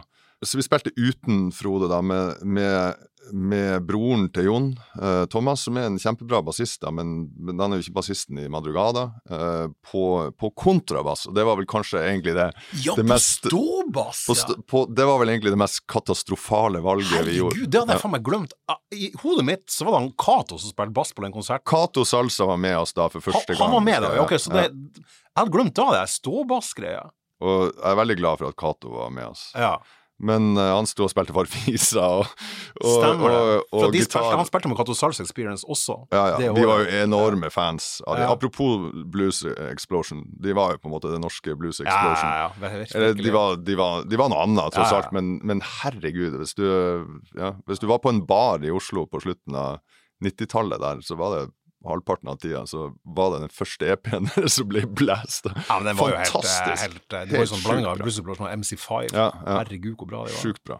Men, men, men hva som skjedde da? Hvorfor var det så katastrofe? Hvorfor var det den verste konserten? Nei, vi hang ikke på greip, Nei. rett og slett. Og, og vi var ikke vant med å være Det var rett og slett, det ble ikke gjort ordentlig forarbeid. Vi hadde ikke fått øvd nok, egentlig. Eh, jeg vil ikke si vi øvde nok før vi reiste ut og gjorde noen ting på den andre skiva der, med blanda resultater. Men akkurat her på, på den oransje scenen så var det helt sjukt. Altså, det var, det var så sjukt langt imellom, altså. Ja, for den er veldig, den er veldig svær Den er fysisk enorm. scene. Ja, og vi hadde jo ikke tenkt på det at vi kan jo klumpe oss sammen, sånn som, eh, sånn som Neil Young, Neil gjorde senere på kvelden, ja. på kvelden. Som for øvrig òg er en av de mest beste konsertene her. Ja, den var helt latterlig bra. Ja. Eh, Det var med Crazy Horse, det. Sykt bra. Og da sto de på De sto sikkert på type 15 kvadrat. Ja, De bare klumpa seg i De hop. sto der på den plassen jeg opptok med mine monomonitorer. Så der var det jo et par lekser å lære seg, da. Jeg, jeg bare husker det som en jævlig Som en, som en, som en fiasko, rett og slett. Jeg husker jeg møtte dere eh, Jeg møtte dere etter den konserten, og det var sånn eh, Det var litt sånn, det var sånn, litt sånn kjip stemning òg, for det var, det var ingen tvil om at det her var dere ikke fornøyd med. Dere var så på vei opp, på en måte, og dere var jo liksom de startgropa, så var det her det var sånn tilbakefall, på en måte. Ja, Det vi fortjente sånn- ikke ja. den. Nei, så men det var, den det var bare rett og slett eh, Ja. sånn, sånn, sånn ble det. Lærte dere noe av det? Tok dere med dere det, det her videre som Jeg tror vi begynte ja. å klumpe oss mer sammen Ja, når scenen var stor. Ja. Men som bortsett fra det, så, så jeg vet jeg ikke. Altså, det var den tida som vi har snakka mye om. Nei, vi har jo snakka mye om liksom, tidlig Madrugada-tid og sånne ting nå, men det var jo ei tid som du, du har vært innom tidligere her, uh, hvor, uh, hvor uh, profesjonaliteten i bransjen var betydelig, på et betydelig lavere nivå enn det er nå. Eh, og også det der med at man, man måtte turnere små steder, og du, du måtte på en måte gå veldig steg for steg. Ta den pyramiden, ja. ta, den, ta Ja. hele for å gjøre deg fortjent til de større scenene. Ja. Og ja, om vi tok med oss noe lærdom Vi gjorde, nei, vi gjorde masse, masse dumme ting etter det òg. Det hører du med, det òg, for faen. Ja, det gjør det. gjør det. Eh, apropos eh, lærdom og sånn, jeg tenker sånn, du har jo eh, Altså, da, Første gangen jeg hørte Madrugada, så var det Det første man la, la merke til da, det var jo, det var jo at, at det var en, en vokalist med, med ek, ekstraordinære kvaliteter. Altså, det, var, det var det ingen tvil om. Og det var sånn og det vet du jo, ikke sant? Du vet jo det. Eh, hadde jeg vært TV, så hadde alle- sett at han Sivert nå sitter og smiler litt sånn, litt sånn skjelmsk og litt, og litt kry. Men, men, men, men det er jo Det er koselig. Det, det at du er god sanger, er på en måte Det, det er jo å påpeke det opplagte. Men problemet ofte med folk som er eh, akkurat som flinke elever, får dårlig oppfølging ofte av læreren, for de har ikke tid til å ta seg av de som er flinke. Eh, Så lurer jeg på sånn Har du hatt noen sånn folk som på en måte har gitt deg etter Madrigala og debutert, som kommer og sagt sånn Hei, Sivert, hvis du gjør det eller det eller det, så blir ting mye bedre. For jeg opplever deg som som en mye bedre vokalist nå Ja. enn da. Ja, men jeg tror, jeg tror som Vi var så vidt innom en del av der den liksom sånn lofi eh, i USA som tidlig sen, altså Fra 90-tallet og Ja. tidlig 2000. Det, jeg tror kanskje min interesse for en del av de folkene har holdt meg litt igjen. for ting skulle være så jævla dårlig hele tida. Og, og, jeg, og jeg hørt, nihørte jo på de skivene. Ja. Så, så det var eh, Så med litt sånn underlevering av Ja. Jeg, jeg føler jo kanskje jeg var Jeg er ganske god å synge på den første Første Madrugada-skiva, syns jeg. Og den, og den andre også. Jeg Men synes du, altså, du sang jo bra bestandig. Jeg, nei, jeg, bare lurer på om det er noen som eh, Har, har det vært noen produsenter eller noen som noen gang har sagt sånn her Nei, nå må du dra mer på, eh, eller du synger du, du legger stemmen for lavt eller Ja. høyt, eller Det har ikke vært Ja, noe sånt? nei. nei. Første gang jeg traff noen som var noe særlig interessert i vokal uh, i studio, var på The Deep End i LA. Med George Racolias, George Racolias og, ja. og særlig ja. De Bianco. Ja. Eh, som jo en, har vært en, var en stor produsent eh, in his own right, men liksom gjort uh, uh, Teenage fanklubb og sånne ting. Han var veldig interessert i vokal. Ja, og Dracolas hadde også gjort uh, Jayhawks og Maria Ja. McKee, og, altså, der det Ja. plater, plater med veldig mye vokal på. Ja, ja. Og, så de var, veldig, de var veldig opptatt av det. ja. De var, opp, de var sånn som amerikanere ofte er veldig opptatt av tromme og vokal. ikke så opptatt av og det, gitar. det syns jeg var jævlig artig. Jeg fikk, eh, altså det, jeg, jeg fikk enorm sjøltillit av, av å stå og gjøre de, de Altså få så, såpass mye skryt som jeg fikk Ja, av de ja, ja. folkene. Liksom, og lang, lange vokalsessioner, og, Ja. og eh, det, var, det var jævlig artig. Så men det er eneste, det eneste gangen, egentlig. Jeg tror Kai var jo veldig I Artetic Sound Studio. Ja, ja. Eh, der hadde vi veldig, veldig god lyd. Ekstremt god lyd, så det var veldig inspirerende å, å jobbe der. Men jeg tror ikke sånn der å bli å bli liksom produsert som vokalist, det har jeg veldig sjelden opplevd. Ja. egentlig. Det var egentlig den eneste gangen, vil jeg si. Ja. Så da har det vært å liksom eh, ja, plukke opp nye triks, legge en del uh, uvaner bak meg igjen. Og jeg blir inspirert av andre vokalister, liksom. det er det jeg- som jeg alltid har vært. Og så er jeg relativt god til å etterligne en god copycat, da. Relativt bra. Ja. Så, så jeg kan jeg ja, det kan, hører jeg jo på jeg den kan- her, på den her eh, som vi snakket om tidligere. Når, du gjør Alive av Pearl Jam, så høres du ut som Eddie Vedder. Ja, det høres ut som litt for mye. sånn eple i halsen. Ja, litt for mye eple. ja, jo da, jo da. Så du er Eh, en god imitator òg. Kunne ha gjort det. Jo, men så, så da, da er det jo liksom å plukke opp triksene til folk. Og, den- Mm. og den beste måten å gjøre det på, uh, inside uh, uh, på en måte tips, er jo insidertips, er jo å høre mye på kvinnelige vokalister, for da er det jo ingen som vil på en måte ja, Så det har vært mye Det der er veldig, det der er veldig artig at du sier, for at når jeg anmelder plate, hvis jeg anmelder en kvinnelig artist, og så skal jeg gi noen referanser for å forklare hvordan det her høres ut, så prøver jeg nesten alltid å finne noen mannlige eksempel. ja, For at jeg innbiller meg at det der er sånn som skjer, da. Så det Ja. at du sier det, det synes jeg er veldig kult at du ja. Så Så, jeg har hørt veldig mye på, Er noen på kvinnelige, er noen kvinnelige eh, vokalister du særlig har putta inn i din egen stemme, tenker du på? Uh, Mahalia Jackson. Mm. Uh, altså sannsynligvis en av de største vokalistene som noensinne har levd. Alle har et forhold til henne. De har hørt henne synge eh, Julemusikk, synge Silent ja, Night. ja, Liksom. ja. Hun sang på ei fantastisk plate, Duke Ellington-skive, som Ja. heter Black, Brown and Beige. Uh, der gjør hun to låter helt, helt til slutt. Duke Ellington hadde fikk på, For han hadde òg en oppfattelse at hun var den beste, da. Ja. Men så var det et eller annet å få henne til å liksom synge The Devil's Music. det. så du må bare ta med deg salmeboka di. Så, Ja, ja, ja. så syng en salme, og så synger hun uh, en låt som heter Come Sunday, som, eh, som før bare var en, en Jeg hørt den, skal jeg høre på. Du må, ja. Helt fantastisk skal plate. Ja. Så liksom gospelting uh, Hun uh, Ja, PJ Harvey. Uh, ja, herregud, en av de vokalist. beste vokalistene jeg vet om. sinnssyk vokalist. Joni Mitchell, selvfølgelig. Mm. Hun sang jo jævlig Simone. lys, da. Ja, John Mitchell jeg, sang jo kjempelys, og veldig annerledes enn deg. Men er det, er det teknikken da du går etter, da? ja, jeg vet ikke helt hva jeg plukker opp på, men, eh, men noen ting er det. Så eh, Sandy Denny ja, Det er helt egne fraseringer i britisk folkmusikk som på en måte Som jeg, jeg vet jeg har plukka opp. Som jeg sa eh, tidligere her, Sivert, så har jo, så har jo dere eh, Når jeg sier dere, altså Madrugada, så kom jo dere til Dere kom jo til cupfinalen med en gang, på en måte. Eh, Ja. For dere, dere gjorde det jævla bra. Dere debuterte på toppen av de kommersielle listene, og, og, og der ble dere værende. Um, og samme gjorde du med de soloplatene dine. Og du har jo turnert rundt til fulle hus og, og, og eh, utsolgte konserter og, fest, og, vært headliner på festivaler i ekstremt mange år. Og det er egentlig ganske sånn få forunt. De fleste har jo en sånn dupp underveis der de plutselig det kommer lite folk på konsertene. og Ja. Til og med sånn Iron Maiden trakk jo sånn eh, glistent rockefelle for, for masse år siden. Og eh, De Lillos hadde en sånn dupp, og Raga Rockers hadde en dupp og spilte plutselig på sånne rare plasser og, og sånn. Og så, Bortsett fra pandemien, da, der det var helt andre grunner, så har du nesten aldri opplevd det der. Hvordan, hvordan, har du tenkt på hvordan du ville fiksa en sånn nedtur? At det plutselig du skulle, Sivert Høyem skulle spille i Tromsø, og så kom det 40 pers, liksom. Nei uh, Godt spørsmål. Jeg har egentlig ikke noe godt svar på det. Altså, det har jo vært perioder hvor ting ikke gikk så på skinner, med Madrugada særlig. Ja. Sånn uh, ja, men der var det jo altså sånn, Platen var jo altså Grit var jo den eneste skiva til Madrigada som ikke toppa VG-lista. da, da var det litt sand i maskineriet for oss òg. Jeg husker at på en måte, det var ikke sånn at ting Da hadde Sånn ute i Europa så hadde de kanskje De hadde satsa veldig hardt på oss på skiva før. Ja. Og så var det ei skive som var veldig mørk, da, som senere har blitt en slags klassiker blant fans Disease. Ja, Ja. men som ikke var i nærheten av like på en måte gjennomarbeida og, og umiddelbar som Industrial Silence var.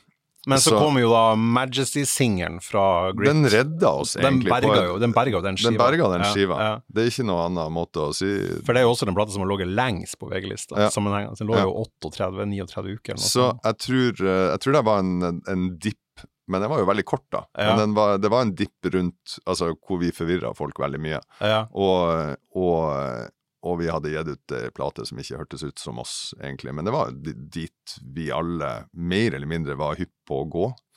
Jeg er ekstremt glad i den plata. ja, ja, Det er mye kult der. Jeg husker det, det første som slo meg da jeg hørte, da jeg hørte uh, Grit, en sånn råmix som dere kjente meg, så husker jeg bare jeg tenkte det her kommer til å bli så jævlig kult live. husker Ja. jeg tenkte. For det, det høres ut som en plate som er lagd for å spilles Ja, det er live. jo spilt live i studio. Ja. Ja.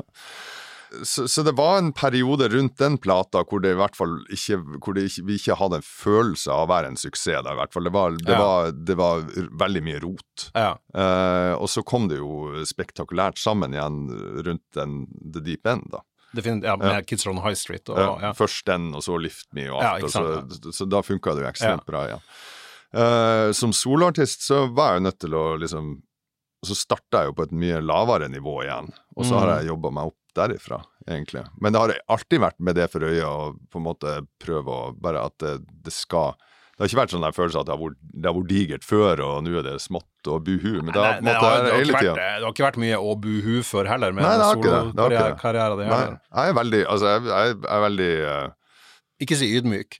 Nei, jeg er ikke ydmyk. For, for jeg, har jo, jeg, har jo, egentlig ikke opplevd så, bra, så, så mye av det andre Nei. heller, så, så, men jeg er veldig Altså, man må jo minne seg på hvor jævla mye Man har jo hatt en del flaks, rett og slett. Det, ja, ja, det er kult at du sier sånn. Ja, ja. For det er jo Altså, det, det syns jeg det, det, er så hjerteskjærende når du, når du på en måte blir, ser hva amerikanere blir fortalt, at du, du, må bare, du må bare gønne på, du må tro på deg sjøl. Du, du, må liksom eh, Bare du jobber hardt nok, så, så får du Jævlig lett å si det når det står 20 stykker og fem er interessert i det ja, du holder på med. Altså, men så, så, at flaks har noen ting med det å gjøre, mm. det er det ingen tvil om. Men mm. så må man jo selvfølgelig ha en drive og talent og ja, på en måte ha folk rundt seg som eh, som eh, at man drar i samme retning, hvis man skal få ting til overhodet. Men, eh, men, at flaks har noen ting med å gjøre det. Sånn tid og sted, og folk du treffer. Mm. Men hvordan er du da når du, når du Sånn som for eksempel nå, da må du ga deg tilbake. Eh, dere selger ut eh, digre venues på det i eh, altså nu, Bare nå før jul skal dere spille på tre utsolgte Stavanger konserthus og tre utsolgte Troms kulturhus, og, og, dere har liksom ja, dere har jo, Spektrum. Ja, og Spektrum. Da, da, da har jeg vært en sånn her, eh, nærmest sånn æresrunde, paradegreien, med, med hele det comebacket. Men når dere da satt der med et nytt album og skulle slippe den, er, altså, er du da opptatt av anmeldelsene? Betyr det noe? Bryr du deg om det? Hvis jeg jevnt over hadde fått lunka mottakelse, så hadde ja. nok det kanskje påvirka litt min eh, For du er veldig mitt syn på plata, kanskje litt i hvert fall. Ja. For man er jo ekstremt, jeg er i hvert fall det, ekstremt innkapsla i, i alt som har med den prosessen å gjøre, å mm. lage, lage, et album. Så det kan jo hende at man på et eller annet tidspunkt har mista tråden. må, hvis alle sier at det er bare sånn at det er terningkast eh, to til fire, så er jo det så er jo ikke det noe hyggelig. jeg, jeg, er så jævlig lei av musikere som sier at de, de, bryr seg ikke om det. det, er klart man bryr seg. Ja. Ja, ja. Men at en, en, og annen person ikke oppfatter musikken din på Eller på en måte ikke skjønner greia, eller vil skjønne greia, mm. eller, eller, er enig med deg om hvordan musikk skal være, det er jo Sånn er det bare. Det er en subjektiv ting. Så, så det, det, må man jo på en måte minne seg påminne seg sjøl om. Men det er klart det er sykt fint å få få gode anmeldelser. Hva er den største forskjellen på, ikke på person, det sier seg sjøl at man endrer seg når man blir eldre, men hva er den største forskjellen på musikeren Sivert Høyem i 1998 og musikeren Sivert Høyem i 2022? I dag så ser du jævla komfortabel ut ja. i front. Jeg er komfortabel. Ja. Så det har vært en ting som har skjedd, og det, det føler jeg vel egentlig har vært litt sånn late, late bloomer. det har tatt litt tid, rett og slett. Ja, ja. For jeg har, jeg har, i lange perioder vært direkte redd for å gå på scenen, altså.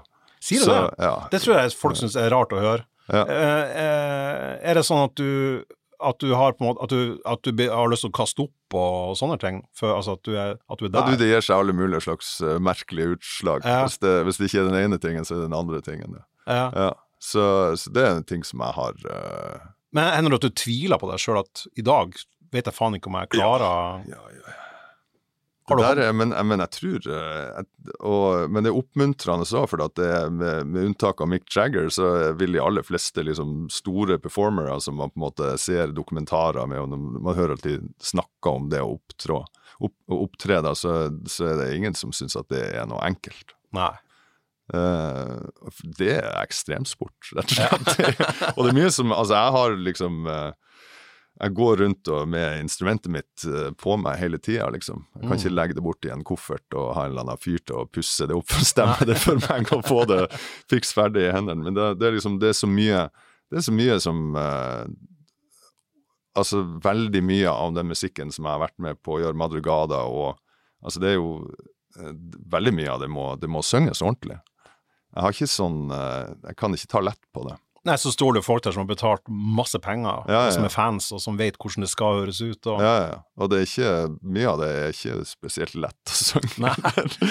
Men, eh, men jeg er jo den eneste som kan gjøre det, da. Så Ja, ja. det, eh, I hvert fall i denne settingen, liksom. Så uh, ja, jeg, jeg tror jeg har av og til blitt veldig prega av uh, alvoret, liksom. Og i perioder hvor det har vært litt dårlig samhold i bandet, da, hvis man snakker om Madrugada, Ja. hvor det bare har vært verdens mest ensomme jobb, rett og slett. Ja. Sånn, sånn som det gjør når vi dro rundt og spilte Spilte eh, idrettshaller i, eh, rundt omkring i hele Norge liksom, og knapt snakka med hverandre. Liksom. Det, var, det, var, det er ikke noe artig å, å gå i krigen hvis du allikevel hvis, du, hvis, du, hvis du i tillegg på en måte er litt ukomfortabel i den, eh, den rollen, liksom. Mm. Men det er mye bedre nå. Og det har vært veldig, veldig eh, kult å komme altså, Selv om Robert da ikke er her, da, men i hvert fall sånn å, å kunne gjøre denne musikken her og, og ta litt inn over seg hvor, uh, hvor mye det betyr for folk rundt omkring. For det har vi, det har vi virkelig følt da, etter at vi kom sammen i, i 2019. liksom. Den, det, var helt, det har vært helt uh, Ja, Dere var jo større enn da dere slutta. ja, mye Ja. større. Ja. Ja. Så, så, så det har vært litt uh, Det er rørende. Så vi har jo Mm. virkelig uh, vi, vi har fått det med oss, liksom. Og for, for back in the day så var det Da var du, da var du på dette toget, liksom, av eh, som ble drevet av den ambisjonen vi, Mm. vi hadde i lag, og ingenting var bra nok noensinne. ikke sant? Så, så det å, å få den der eh, relativt stor avstand til det, og så komme tilbake og gjøre det igjen, det har vært ganske givende. Altså. Veldig givende. Du har jo deltatt som gjestevokalist på både her og der. Blir du spurt om ting du overhodet ikke ta, kan ta i med ildtang? Eh, Har du vært invitert på sånn her alt fra sånn Skal vi danse til, til, til, til hver gang vi møtes og alt det der? Du har, du har det, ja? sagt nei til alle de tingene. Ja, det er ikke noe du vurderer ganger. heller, ikke sant? Nei, jeg burde nei. aldri. Jeg, jeg, er så heldig, altså, jeg er så heldig at jeg ikke trenger, og, og jeg er eh, 46 år gammel, og ting funker bedre enn noensinne, liksom. Hvorfor? Hva i all verden har de å til, tilby meg, liksom? Nei? Jeg skjønner hvorfor folk på en måte har eh, kan, at, at det kan bidra til noe, noe, noe positivt. Det siste tilfellet nå med, med Hellbillies, for eksempel, som Mm. vel aldri har vært så stor som de er nå. Og det kan vel kanskje ha en lite ekstra dytt uh, fra at uh, Aslak har vært med liksom der.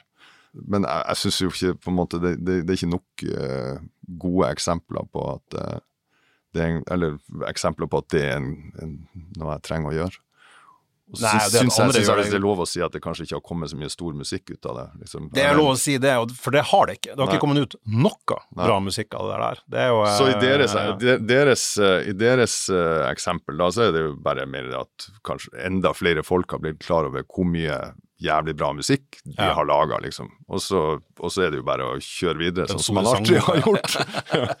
Men, men for å snu det på hodet, da. Det er jo garantert også folk du kunne ha tenkt deg å samarbeide med. Og det er mange. Er, det noen, er det noen norske musikere du ikke har gjort noe med, som tenker at det har vært kult å gjort noen Han eller hun det hadde vært kult å gjort noe i lag med? Jeg vet ikke, nå tok du meg litt på senga med det spørsmålet der. For Vi skal snakke i lag om noen år, kanskje. Jeg, jeg, kommer ikke på, jeg kommer ikke på Altså, jeg, jeg, det er ofte for min del eh, Så er det en Det er min musikk, liksom. Det er Ja. den tingen jeg holder på med, og så, for, så er det ja. Du er inne i den klokka, på en måte? Jeg er inni der. ja, ja. Holder på med mine egne ting. Ja. Eh, Jeg har- heller aldri følt at jeg har vært en del av et miljø eller eh, noen ting sånt, egentlig. Nei. Jeg har alltid følt meg litt som en outsider, Ja. egentlig. Mm. Så, jeg har, men jeg har etter hvert liksom samla på meg et miljø eller en krets av musikere som jeg trives å jobbe med. Cato Salsa, Børge Fjordheim, Christer Knutsen, som er kjempeviktig for meg. Altså, vi er jo på en måte basically gift, omtrent. Ja. så så vi, er- vi, vi ses hele tida og jobber sammen på mine, mine ting. Så det er en, det er en, det er en krets der av, av folk som jeg stoler på. Kan, Ja, så har du jobba med jobbe- folk fra Tåstrøm sitt band på soloplaten din, og du har, Ja. med, og du har spilt med Kid Congo Powers og, og de folkene i Paradise, og jævlig Ja. flinke Ane Brun og masse, Ja. masse flink, flinke folk. Ja. Ane er jo, Ane er jo helt fantastisk. Helt, altså, hun er, hun er virkelig Altså, hun er en av de Hun er den norske kollegaen min jeg beundrer mest, rett og slett. Ja, så kult. For, fortell, fortell litt om det. Hvor, hva, hva er det med hun som, som eh, Hvorfor er hun det? Hun er bare sykt rå i alt hun øh, foretar seg, rett og slett. Sykt god sanger, sykt god gitarist. Har et veldig sånn klart liksom Har veldig godt grep om karrieren sin. En veldig sånn klar idé om hva hun skal gjøre, samtidig som hun er Og veldig bra Når- live. ja, sykt bra live. Eh, Uh, de siste gangene jeg har sett henne har vært helt fantastisk. Ja, med et jævlig potent band nå. Absolutt. Med Ja. Martin Hederos på keys og Men det er, det er mye, mye av det har bare med at hun er så jævla bra som Mm. person. Mm. Mm. hun er jo Du har lyst til å henge ut med henne. Så Før vi sender deg ut i, eh, i Oslobyen igjen eh, Jeg tenker at det er sikkert noe du ikke har tenkt på, og nettopp derfor må jeg jo spørre deg og be deg om å tenke på det. Hvor du tror at du er om ti år, sånn musikalsk? vanskelig, vanskelig å si. Jeg kommer i hvert fall uansett til å gi ut uh, soloplater. Jeg kommer til å fortsette som musiker. Dette det, det, er jo den jobben alle drømmer om å ha. Den jeg har. Det er, jo, det, er jo, det er jo alle, uansett, liksom. Du ser jo alle de der forfatterne som er kjempesuksesser ute i verden. De har jo bare lyst til å spille trommer eller synge til slutt. Ja, det er det, det det de egentlig vil. ja. det, alle, alle har Ja. lyst til å holde på med det jeg holder på med, så man må jo prøve å minne meg sjøl på det av og til. At det er, jo, det er jo den absolutt feteste jobben å ha. Så jeg må jo bare eh, gjøre det jeg kan for å fortsette å holde på med det her. Jeg ser ikke for meg jeg skal gjøre noe annet ever, egentlig. Det blir stadig bedre og stadig artigere å holde på med det. Så. Så om det kommer noe Hva vi gjør i framtida med Madrugada, om det kommer til å bli laga noen nye band, eh, det vet jeg ikke. Jeg har aldri hatt noe, noe langsiktig plan med det jeg holder på med. Jeg, og jeg er aldri noe sånn Aldri noe bedre enn det jeg det er teit å si, men det siste sangen jeg skrev, eller Men, Nei, men jeg aldri er jeg, jeg, sånn. jeg klarer ikke å, å det er egentlig bare de siste par årene med når vi faktisk har gått tilbake og spilt tidlig materiale med Madrugada, da, som vi gjorde i 2019, at jeg, at jeg har på en måte møtt meg sjøl litt i ja, Hvor nødt til å se tilbake, Mm. egentlig. Jeg har gjort veldig lite, egentlig. Jeg har vært eh, jeg er veldig, ja, som du har sagt det flere ganger, veldig søkende, da. Mm. Prøv å, prøv å finne nye måter å lage Prøv å Jeg føler ikke jeg har Jeg har ikke, jeg har ikke gjort det beste jeg skal gjøre. Langt derifra. For en helt uh, perfekt måte å avslutte det her på. Jeg kunne også snakka musikk med deg, kjenner jeg. I, hvis vi har fått påfyll her med mat og drikke, så kunne vi ha holdt det gående jævlig lenge. Og det er et eh, veldig bra tegn. Utrolig hyggelig å ha deg her, Sivert. Ja, det har Eh, nydelig. Takk selv. Gleder meg til å se dere i Tromsø, og, og um, gleder meg til å følge deg videre i det du holder på med. Knall, takk.